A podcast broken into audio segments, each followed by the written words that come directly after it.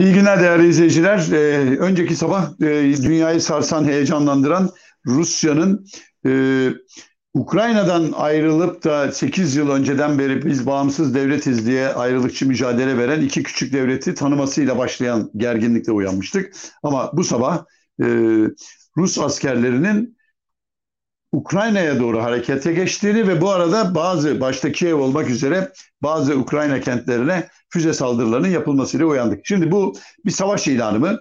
Bir anlamda evet ama ne kadar sürer e, onu henüz bilemiyoruz. Ben hala çaplı bir savaş çıkma ihtimalini az görüyorum. Yani bölgedeki bütün devletlerin katılacağı daha doğrusu NATO ve Amerika'nın da müdahil olacağı bir savaşın olacağını zannetmiyorum. Ama e, sanki e, Putin Arkadaş bak ayağını denk al böyle ikide bir bana oraya yok gelirim orada e, çakıl taşı vermem falan edebiyatına girersen ben senin kafana vururum demek ister gibi bir e, hava seziyorum. Şimdilik. Ha bölgede yarın ne olur? NATO müdahale eder mi? Zor gibi geliyor. Çünkü burada herkes özellikle bizim medyamıza baktığınız zaman şöyle bir e, durumla karşı karşıyayız. Yani bir Rusya var. Onun karşısında işte Amerika, Avrupa Birliği, NATO, işte bölgedeki ülkeler falan. Hayır bu böyle değil. Bakın ee, Çin faktörü var. Öbür tarafta Hindistan var. Öbür tarafta diğer uzak doğu ülkeleri var. Şimdi e, bu sabah itibariyle Şam rejimi, Esad e, bu iki küçük devletçiyi tanıdığını açıkladı. Dünya, oldu iki. Yani Rusya'dan sonra Suriye'de tanıdı. Diyeceksiniz ki Suriye'nin tanımasının ne önemi var? Ha var. Bizim açımızdan var. Dünya açısından şu anda çok büyük bir önem arz etmeyebilir. Ama yarın Azerbaycan'ın, Tacikistan'ın, Türkmenistan'ın, Kazakistan'ın, ne bileyim e, Gürcistan'ın, Abhazya'nın tanımayacağını garanti mi? Hayır. Bütün bu Rus devletleri, eski Rus devletleri, şimdiki bağımsız devletler bu yeni devletleri tanımaya başlarlarsa ortaya başka bir durum çıkacaktır. Türkiye açısından bakmak durumundayız ve bakın şunu hemen söylemek istiyorum. Tek adam rejimi, o ucube rejim şu anda belki de bütün e, başladığından bu yana Türkiye için en sorunlu kritik hale geldi. Neden? Çünkü yani hem tek adam rejimi var bir de bu tek adam rejimini bir imparator gibi sürdürmeyi amaçlayan bir kişi var bu işin başında ve Türkiye bugüne kadar hiç rastlamadığı, görmediği ölçüde bir takım kararlar vermek durumunda kalacak. Ha işte burada eğer tek adam gibi davranmaya kalkacaksa ki yüzde doksan öyle olacaktır. Türkiye'nin başının çok büyük derde gireceğini, çok büyük sıkıntılar çekebileceğimizi buradan söyleyebilirim. Bakın şimdi Tayyip Erdoğan dünden beri e, konuya girdi. İlk gün Afrika'daydı. Sadece bir e, tanımıyoruz kararı çıkmıştı biliyorsunuz. Neydi? İşte Ruslar e, Putin e, bu iki ülkeyi tanıdığını açıklayınca e, Dışişleri Bakanlığı'na bir açıklama yaptırdılar. Dışişleri Bakanlığı dedi ki Türkiye olarak Su, e, Ukrayna'nın toprak bütünlüğüne e, e, şeyiz, e, toprak bütünlüğünü tanırız. Onun için her türlü e, işgal olabilecek hareketlere karşıyız. Rusya bu işten vazgeçmedi. Tamam. Fakat sonradan baktılar ki bu iş biraz terse gidebilir. Tayyip Erdoğan gezisini kesti geldi. Şimdi o anda söylediği bir, bir cümle var. Bugün bütün saray medyasının manşetinde bu var. Evet ne Rusya'dan ne Ukrayna'dan vazgeçebiliriz. İlk duyduğunda çok güzel değil mi? Aa harika laf ne manalı laf değil mi? Çok derin. İkisinden de vazgeçemeyiz. Ama peki bu sabah itibariyle ne olacak şimdi durum? Değil mi? Bakın bu sabah itibariyle Rusya Ukrayna'nın içine doğru girmeye başlarsa ve buna devam ederse o zaman aynı cümle geçerli olacak mı? Hani o böyle şimdi saray medyasının, saray soytarılarının böyle o çok mühim laf etti falan dediği bu ne ondan vazgeçeriz ne bundan vazgeçeriz ne olacak? İşi yarın NATO dayatmasıyla karşı karşıya kalırsak NATO kardeşim ben bütün gücümle Rusya'yı abluka altına alacağım dediği zaman Türkiye olarak ne yapacaksın? Ha işte tek adam sözüm burada. Bakın öncelikle şunu söylüyorum. Bir kere bir muhalefet partileri bu saçma sapan dışa karşı birlik beraberlik bizde falan filan değil abi oturacaksınız aklı başında parlamentoyu çalıştıracaksınız. Buradan parlamentonun çalışması sayısal oy eldim el kaldırdım e, indirdim ne değil. Buradaki önemli olan şudur. Parlamento gibi Türkiye'nin en yüce makamı olması gereken bir yerde sorun enine boyuna tartışılmalı. Burada oylama yok. Efendim ben seni alt ettim senden üstün değil. Mesele sonucu ne olursa olsun bütün sorunun burada dürüstçe açıkça ortaya konmasıdır. Parlamento bana bunun için lazım. Yoksa sayısal olarak yani Tayyip Erdoğan'ın kafası hep şöyle çalışıyor. Arkadaş ya ben kararımı alacağım. Parlamentoda da üstünüm. Ben onlara mı soracağım? Hayır bu sefer sormak falan değil. Türkiye bunu böyle televizyon ekranlarında kimi yandaş yalaka kanallarda böyle ne oldukları belirsiz Amerikancı, NATO'cu, emperyalistlerin uşağı adamlar tarafından tartışılmamalı. Ya da onların söylediklerine bu millet e, doğru gözüyle bakmamalı. Bu adam gibi bütün görüşler parlamentoda olan her parti ne HDP'si ne Türkiye İşçi Partisi ne Saadet'i hiçbiri dışarıda bırakmadan hepsine eşit süreler belki vererek parlamentoda bu konu konuşulmalı ve herkes gerçeği görmeli. Ve hatta dilerim ki bu parlamento e, bu çalışmalar pek çok televizyondan da keşke canlı yayınlansa. Çünkü toplum bütün fikirleri en rahat anlatılabilecek ifadesiyle dile getirilmesini parlamentoda görecek. Bu bir. Şimdi gelelim Tayyip Erdoğan bu olayı tabii tamamen tek adam mantığıyla hani bir de böyle bir süper gücüz. İşte görüyorsunuz e, havasında götürmeye tabii ki çalışacaktır. Ama bakın söyleyeyim mesela Putin ne konuştu? Arkadaş ne konuştu? Öyle yuvarlak laflar. Biz e, işte iki ülkenin e, bölge sorunlarıyla ilgili görüşlerimizi bildirdik. Biz de onlara işte bunun böyle bir savaşa yol açmaması falan. Bırak abi yok öyle şeyler. Putin böyle bir adam değil bir kere. Bunu açıp da böyle yani biz buna çok e, sıcak bakmıyoruz. Öyle değil. Putin sana ne dedi sen ona ne dedin kardeşim? Türkiye'nin bunu açıklaması gerekiyor. Bu başka ülkeler bak bunu söylüyorlar. Ha bizimki tamamen dediğim gibi kahve vatandaşına kendi bilinçsiz, biraz cahilce, eğitimsiz kitleye yani oy kitlesine görüyorsunuz değil mi? Bak yani böyle bir olayda bile Putin e, Tayyip Erdoğan'la görüşüyor falan. O havana at ama bunu gel parlamentoda mesela Tayyip Erdoğan'ın parlamentoda gelip bunu açıklaması lazım. İsterse kapalı oturumda yapsın ama parlamento bilgilenmeli. Gelmeli oraya ve Putin'le arkadaş şunu şunu şunu konuştum demeli değil mi? Ee, şimdi bu tabii Dolmabahçe şeyine dönmemeli.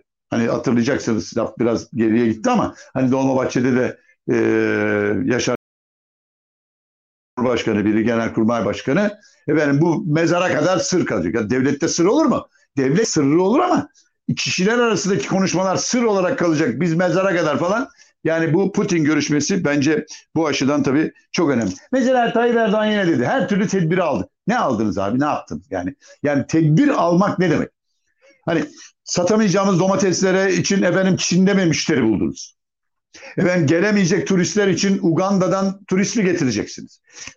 E, silah mı gönderiyorsunuz? Asker mi yığıyoruz? Yani her türlü tedbiri aldık. Neye dayanıyor bu? Bunların mutlaka ortaya konması gerekiyor. Çünkü Türkiye ilk defa bakın savaş çok farklı bir şey. Ve burun buruna geldik şu anda. Ben Türkiye'ye savaş sıçrar mı? Şimdi doğal olarak baktığınız zaman sıçramaz ama bizi çok etkileyecektir. Ve özellikle NATO'nun, Amerika'nın baskısıyla ya da dayatmasıyla Türkiye ve bölgedeki bazı ülkeler, Karadeniz'e kıyısı olan ülkeler kendilerini bir anda savaşın içinde bulabilirler.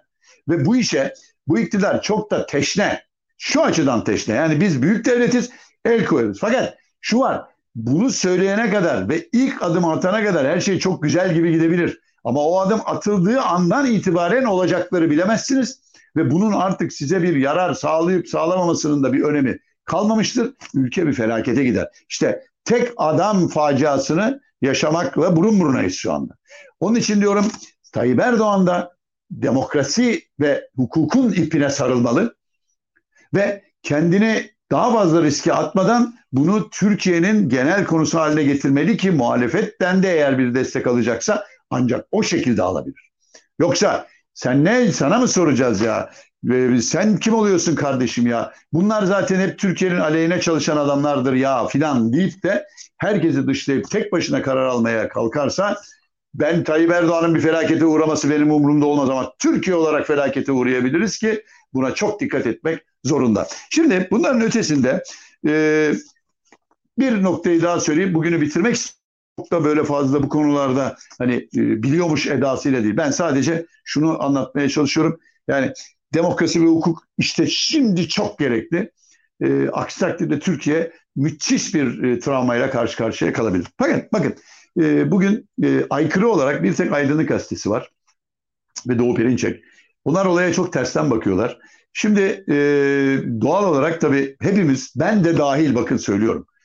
İster istemez NATO'cu ve Amerikancı bakışla bakıyoruz. Çünkü neden? Yani sonuçta ait olduğumuz bir yer var.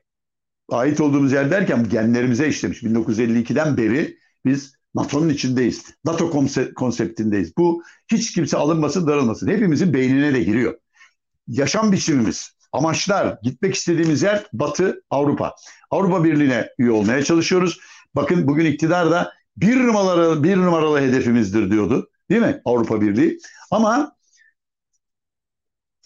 olayın bir de başka tarafı var. Eğer tersten bakarsak bu Rusya haklıdır değildir değil. Ama mesela Aydınlık Gazetesi çok küçük görünüyor arkadaşlar. İsterseniz hiç şey yapmayın. Aydınlığın bugünkü şey. Bugün yaptığı diyor ki yani Avrupa için şu kriz ama bizim için büyük bir fırsat olabilir diye. Şimdi bazı şeyler söylemişler. Şimdi tabii tavır şu. Yani biz bu alanda direkt Rusya'nın yanında olalım diyor. Mesela. Yani olaya buradan bakalım. Rusya tarafından bakalım. Yani Suriye gibi bakalım. Ne bileyim belki yarın Azerbaycan öyle bakacak. Öyle bakalım ve bize bunun çok faydaları olacağını söylüyor. Ee, bunu tamamen e, bir aykırı görüşte ne var diye. Çünkü sonuçta hepimiz savaş karşıtıyız. Ya işte Rusya yapmasın, Amerika bilmem ne karışmasın falan. Ama bir de tümüyle aykırı bakış var. Mesela diyor ki Doğu Akdeniz'deki kuşatmamız bitecektir diyor. Suriye ile aramız düzelecektir, Libya ile düzelecektir ve Akdeniz'de gerçekten güç haline geleceğiz. Evet şu an itibariyle baktığımız zaman Akdeniz'de takan makan yok. Herkes salladı bizi ve nitekim benim silahlı kuvvetlerim dahil, deniz kuvvetlerim dahil bırrrr oldular tak çekildiler kenara Akdeniz bomboş. Ege bomboş. Ha bu onu sağlar mı bilmiyorum ama diyor ki adam bak böyle mesela KKTC'ye iki yeni kardeş gelmiş olur diyor. Yani hani bu tür şeylerle devletleşmiş e, küçük yerlere e, Kıbrıs'ı tanımıyorlar ama buralar tanınırsa onlar da Kıbrıs'ı tanır o falan diyor. Hayal mi? Bilemiyorum. Kafkaslarda güven sağlanır diyor. Karadeniz'deki güven devam eder diyor. Efendim ambargoları birlikte aşarız gibi tabii kendilerine bir şey yapmışlar. Turizmde çok büyük bir şey olur. Çünkü şu anda neden? Hakikaten yani bize gelen esas para bırakan turist kuzeyden geliyor. Bir de Arap ülkelerinden. Bu devam eder mi falan. Şimdi burada yani e, hepimizin bir de NATO gözlüğünü çıkarak e, çıkararak bakmamız gerekiyor. Bakın şimdi bu gibi yani bunu böyle NATO gibi bakıyorsun değil mi? Çıkar abi. Farklı bak.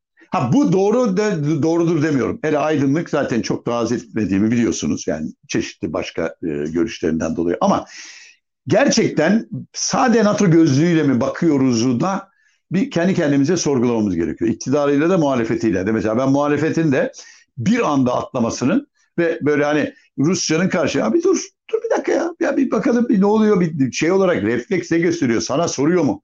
Bak hala böyle bir kriz oluyor. Dediğim gibi parlamentoda hiçbir beyan yok. AKP sözcüleri konuşmuyorlar. Parlamenterde de parlamentoda bir şey yok. Bununla ilgili bir, bir çağrı yok.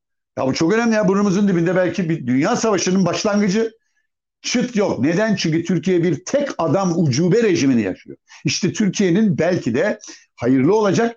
Belki de tek adam rejiminden kurtulma şansını böylelikle bulacağız diyorum. Bugünü e, burada kapatmak istiyorum. Bakalım gün içinde neler gelişecek? Savaş kızışarak, artarak mı yoksa Rusya'nın bir hamlesi ve hadi bakalım bak gösteririm gününü demesiyle mi kalacak? Ki ben bunun böyle olmuş olmasını ondan sonra da diğer diplomatik hareketlerin başlamasını temenni etmek durumundayım. Yarın görüşmek üzere. Hepinize iyilikler. Hoşçakalın.